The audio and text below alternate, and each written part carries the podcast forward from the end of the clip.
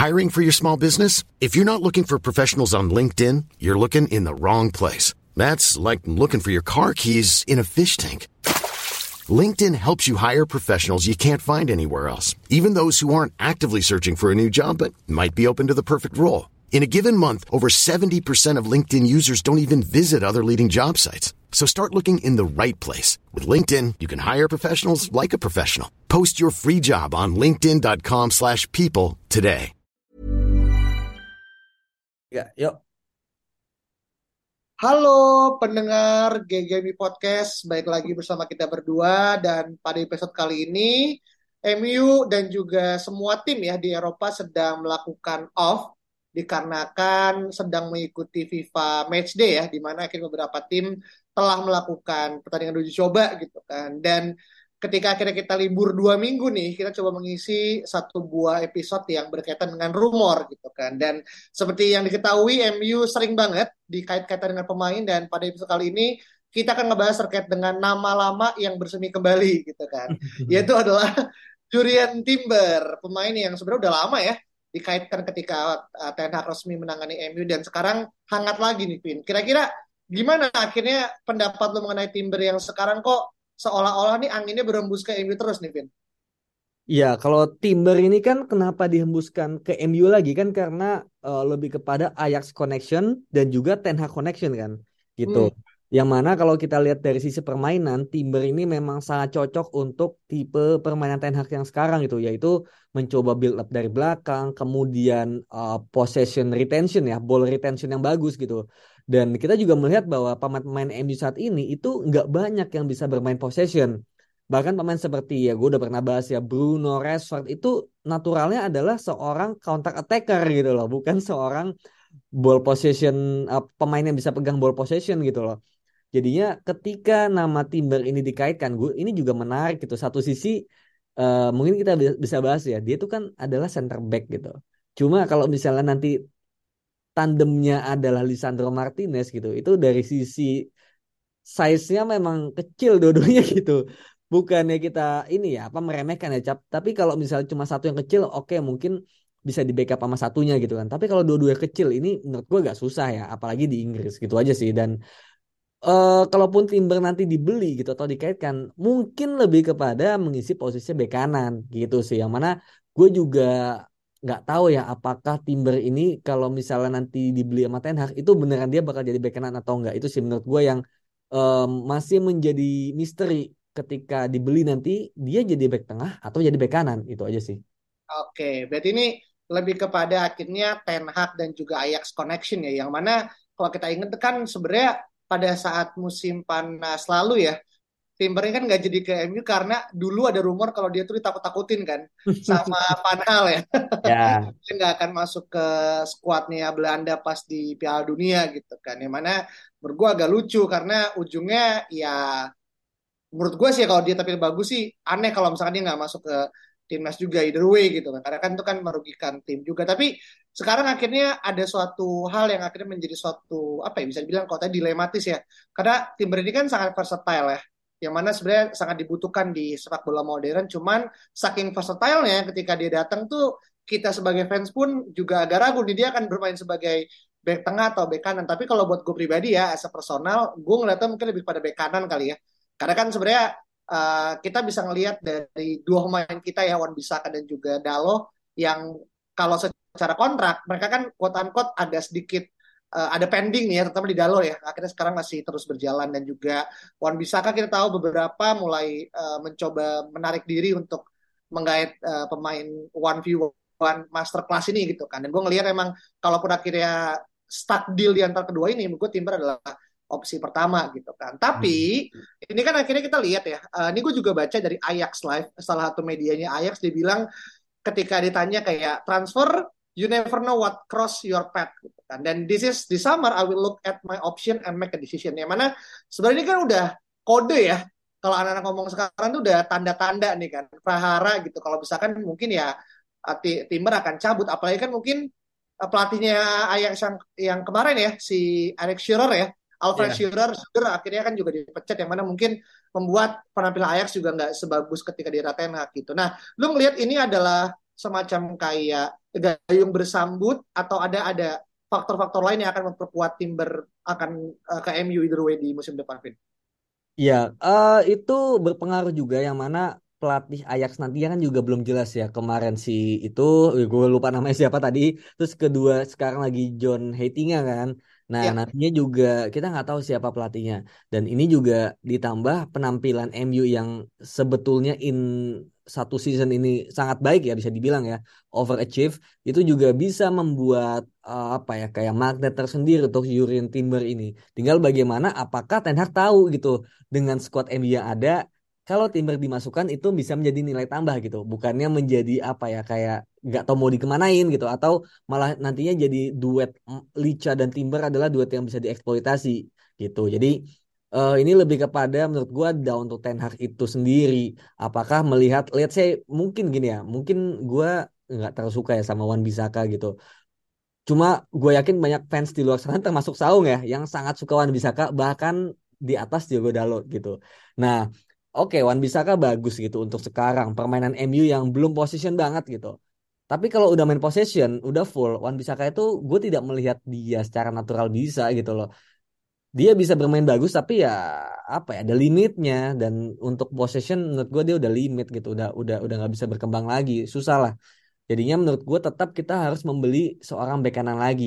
Nah, Diego Dalot ini udah bagus sebetulnya gitu loh. Cuma memang inkonsistensi dan juga cedera kan itu jadi salah satu uh, masalahnya. Gitu sih. Jadi menurut gua ini lebih kepada Ten Hag kalau dia tahu cara pakainya, let's say jadi mungkin bener yang lu bilang ya jadi bek kanan, ya ya kita bisa bahas gitu. Kalau jadi bek kanan skemanya tuh bakal seperti apa? Apakah dia akan menjadi bek kanan yang overlap atau jadi bek kanan yang invert seperti Walker ataupun kalau di City ya uh, Rico Lewis atau jadi kayak apa ya, ala-ala Philip Lam di Bayern jadi gelandang gitu. Itu itu semua tuh bisa menjadi opsi gitu. Karena satu sisi bek kanan kita itu sangat penting untuk Anthony gitu loh. Anthony yang kita lihat um, apa ya dia secara permainan mungkin yang banyak yang mengkritik dia juga itu karena bek kanannya nggak bekerja dengan baik gitu loh. Anthony ini kalau udah di double team ya sama dua pemain ya udah dijaga dua pemain itu dia butuh runner di kanan untuk mendistraksi back kirinya, back kiri lawan gitu. Jadinya Anthony nanti bisa one on one gitu. Jadi kalau back kanannya nggak lari, kayak Wan bisa, kawan bisa itu sangat jarang untuk untuk uh, melakukan overlap ya. Ya itu Anthony sendirian men, dan itu nggak akan pernah bekerja. Antonia ya, selama backnya masih seperti itu gitu loh, nggak bisa maju yang benar-benar maju gitu sih menurut gua. Hmm. Hmm. Jadi ini kasarnya satu transfer yang nggak cuma akhirnya solving hidden issue ya, tapi juga akhirnya bisa unlocking someone's potential gitu kan. Betul. Gimana kita lihat uh, gimana akhirnya Anthony di musim pertama, menurut gue pribadi not bad ya, as in dia akhirnya mencetak beberapa magical moment ya, dan itu pun dengan kondisi uh, di belakangnya adalah Wan Bisaka gitu kan, di mana tuh kayak ibaratkan kutub tuh utara dan selatan gitu. yang satu sangat offense, satu sangat defense gitu kan. Iya meskipun kalau kita bandingin apakah Wan Bisaka sedefense kayak Matteo Damian ya enggak juga, cuman sekarang ada perbaikan ya, as in bagaimana Ten Hag mencoba untuk merubah dia sedikit lebih ofensif, cuman tetap aja kan nggak bisa dalam satu musim akhirnya pemain itu berkembang. Dan kalau kita ngelihat Timber, gimana kan sebenarnya kalau kita ngelihat kebijakan Ten Hag di transfer kan dia cukup uh, ini ya apa bisa dibilang investing in the youth ya. Dan secara usia kan Timber juga masih sangat muda, 21 tahun gitu kan.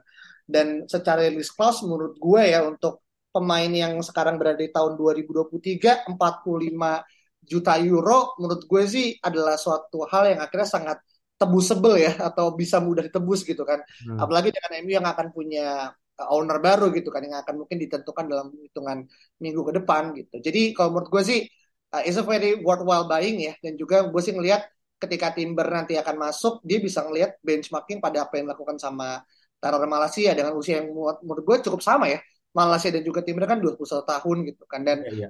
akhirnya bisa saling melengkapi dengan Luke Shaw. Nah, tinggal nanti ketika akhirnya tim bermasuk, dia apakah akan jadi apa namanya week in week out player atau justru akan shadowing ke uh, siapa Dalo gitu. Ini akhirnya masih menjadi pertanyaan karena beda umurnya juga nggak jauh kan antara Dalo dan juga Timber beda sama Xiao yang secara usia jauh lebih senior kan. Jadi bisa ada semacam kayak ya kita ngeliat ke atas lah gitu. Ini akan menjadi suatu uh, permasalahan gitu. Tapi kalau kita ngelihat secara urgensi nih, Vin, uh, kita anggaplah Timber ini sebagai bek kanan gitu. dengan konteks kita yang masih memiliki chance untuk me, ya kasarnya treble ya dengan FA dan juga dengan apa namanya uh, European League kira-kira seberapa urgensi untuk mendatangkan right back baru di musim depan sih untuk akhirnya menambah daya gedor kita untuk bisa let's say ya bersaing Liga Champions ataupun Liga Inggris Iya, kalau menurut gua, kalau seberapa urgent ya sangat urgent sih. Ya gini, kalau sangat urgent mungkin lebih kepada kiper ya, kiper, kemudian penyerang dan juga gelandang, gelandang nomor 8 dan juga gelandang bertahan ya untuk uh, pelapisnya Casemiro. Nah, bek kanan ini lebih kepada apa ya? Penting tapi gini, nggak sekarang nggak apa-apa, tapi kalau bisa dapat sekarang ya lebih bagus gitu sih. Jadi hmm. uh, apa ya? Apalagi dengan rumor juga Harry Maguire dan juga Lindelof yang kabarnya mau pergi, ini kan berarti urgensi buat CB ini kan benar-benar lebih lebih urgent lah menurut gua gitu dibandingkan bek kanan yang ya Dalot oke, okay, Wan Bisaka pun oke okay, gitu loh. Gitu. Jadi mungkin gua kalah ya tadi kalau gue bilang urgent banget ini lebih kepada pilihan kesekian sih menurut gua kayak mungkin pilihan ke lima atau ke enam gitu yang mana penting penting banget sebetulnya gitu untuk again ya untuk melakukan sirkulasi bola dari belakang ke kanan kemudian menambah overload di satu sisi di kanan atau di tengah dan kemudian juga bisa unlocking Anthony gitu kan yang harganya memang mahal banget 100 juta. Cuma melihat posisi lain yang menurut gue juga jauh lebih butuh ya gitu maksudnya bahkan pemain aja nggak ada gitu loh. Kayak back tengah kalau Maguire Lindelof cabut kan berarti nggak ada lagi back tengah cuma dua gitu. Kemudian uh, gelandang ya Casemiro kalau udah kartu merah ya udah gitu loh. Lu nggak punya lagi pemain yang bisa bermain di sana secara fasih gitu. Kemudian nomor 8 nggak bisa juga relying Erikson terus gitu. Itu juga menjadi pemain uh, posisi yang pastinya kita akan mencari pemain 21 sampai 25 tahun yang reguler bermain di sana dan juga penyerang itu juga jauh lebih penting gitu. Jadi kayak emang pilihan kelima atau keenam sih menurut gua gitu. Cuma kalau semuanya udah kemudian masih ada duit nih ya, apalagi kalau pemilik barunya Royal, ya menurut gua nggak ada ini sih, nggak ada alasan buat nggak ke kanan itu sih menurut gua. Hmm, oke. Okay. Jadi kasarannya kalau secara level urgensi penting, tapi masih ada pos-pos yang harus diisi terlebih dahulu ya. Tadi kalian nyebut kiper, terus juga misalkan striker ya dan juga mungkin penggantinya Casemiro kalau emang in case dia melakukan hal-hal yang di luar dari perdugaan kita gitu kan yang akhirnya sangat terasa banget di uh, musim ini gitu kan. Nah kalau misalkan kemudian akhirnya kita ngomongin masalah Timber kan sebenarnya bek kanan di musim lalu kan kita juga banyak ya dikaitkan dengan beberapa nama ya gitu kan. Hmm. bahkan ada uh, siapa tuh bek kanannya uh, Barcelona tuh yang akhirnya Ajax juga kan ya oh, Des Des gitu kan Serginho Des terus juga Gustavo siapa sih pemainnya Lyon ya yang akhirnya nggak jadi juga gitu kan dan akhirnya, Oh, Malo Gusto. Malo Gusto, Malo Gusto yang akhirnya nggak jadi juga gitu. Uh, dan akhirnya Timber kan quote unquote ya, gue nggak tahu apakah kita punya banyak opsi bek kanan di uh, musim depan gitu. Tapi kalaupun akhirnya Timber hadir sih, gue cukup merasa dia bisa menjadi satu opsi terkuat ya Uh, dan kita masih menunggu sebenarnya apakah kita punya nama lain. Kayak misalkan di Liga Inggris kan masih ada nama-nama kayak Kyle Walker Peters gitu kan. Ya kan ya akhirnya mungkin Soton kalau misalkan degradasi why not untuk ngambil Kyle Walker Peters gitu kan. Hmm. dan nama-nama lagi yang akhirnya cukup menonjol gitu uh, di sektor bek kanan yang udah fasih main di Liga Inggris. Tapi kita lihat ya dan kalau misalkan mungkin terakhir ya gue nanya ke lu nih masalah uh, Julian Timber yang mana di musim ini ternyata dia tuh udah main 39 kali gitu kan yang mana untuk pemain uh, seusia dia gitu kan. Menurut gue sih 21 tahun bermain 39 laga ya. Berarti kan itu kan sebagai squad player kan. Hmm. Yang mana kita emang nggak bisa apple to apple Liga kita, eh sorry, Liga Belanda dan juga Liga Inggris. Tapi menurut gue sih dengan dia pernah main di bawah Ten Hag, dia dipercaya oleh cross pelatih ya. Uh, sekarang Hetinga, terus juga Schroeder gitu kan. Dan whatever nanti akan menggantikan mungkin di sisa musim sih layak lah untuk akhirnya bisa masuk ke starting eleven MU menurut gue pribadi gitu. Nah sekarang tinggal chance beauty-nya nih Vin untuk akhirnya bisa datang ke MU dari skala 0 sampai 10 kira-kira dianggap berapa nih Timber akan bisa join ke MU? Kalau masalah join ya gimana ya kayaknya kalau melihat rumor yang ada dan pemain yang dikaitkan ya kayaknya memang kecil ya kecil tuh dalam arti bukan yang nggak mungkin tapi lebih kepada MU ingin mengisi pos-pos lain terlebih dahulu gitu. Jadinya akhirnya bek kanan ini bukan menjadi opsi yang benar-benar harus sekarang banget lah kasarnya gitu. Dan um, sejujurnya memang, aduh, sayang banget gitu. Gue tadi barusan juga lihat di YouTube ya, Timber tuh bener-bener keeping the bola bagus banget gitu untuk seorang back ya. Entah itu dia sebagai back tengah atau sebagai back kanan itu sebagus itu gitu loh. Jadinya dan dia press resistance juga kan. Jadi ketika lo di press ya somehow itu dia bisa keluar entah dari passing atau dari dribble gitu. Jadinya uh, kalau misalnya ditanya likability ya menurut gua berapa ya? Empat kali ya.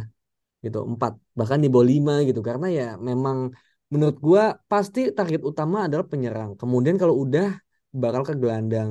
Kalau di gelandang udah gue yakin ke kiper gitu. Jadi memang backbone-nya itu harus jelas gitu dari center gitu loh.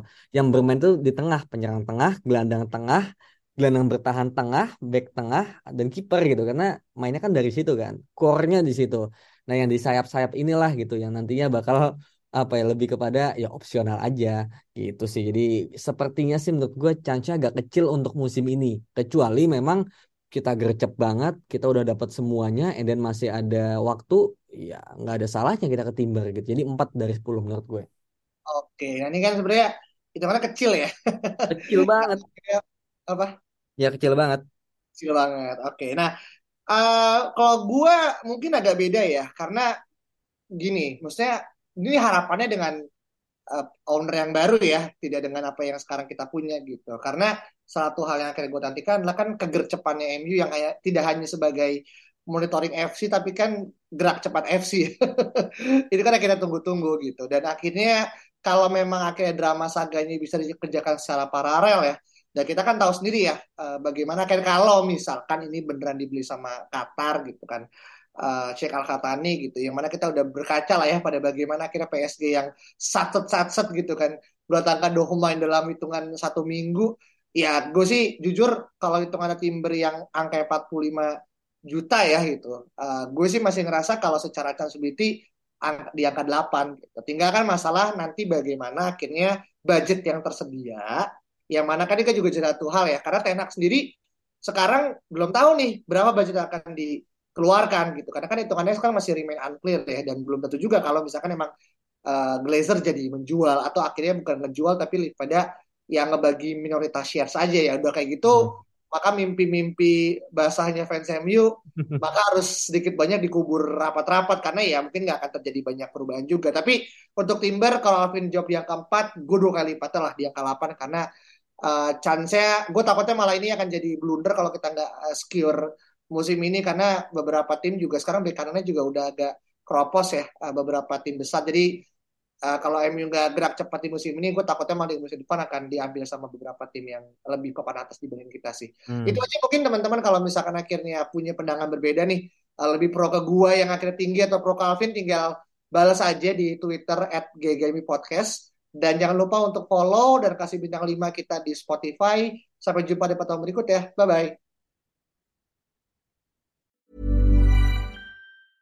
Mom deserves the best, and there's no better place to shop for Mother's Day than Whole Foods Market. They're your destination for unbeatable savings, from premium gifts to show-stopping flowers and irresistible desserts. Start by saving 33% with Prime on all body care and candles. Then get a 15-stem bunch of tulips for just $9.99 each with Prime. Round out Mom's menu with festive rosé, irresistible berry chantilly cake, and more special treats. Come celebrate Mother's Day at Whole Foods Market.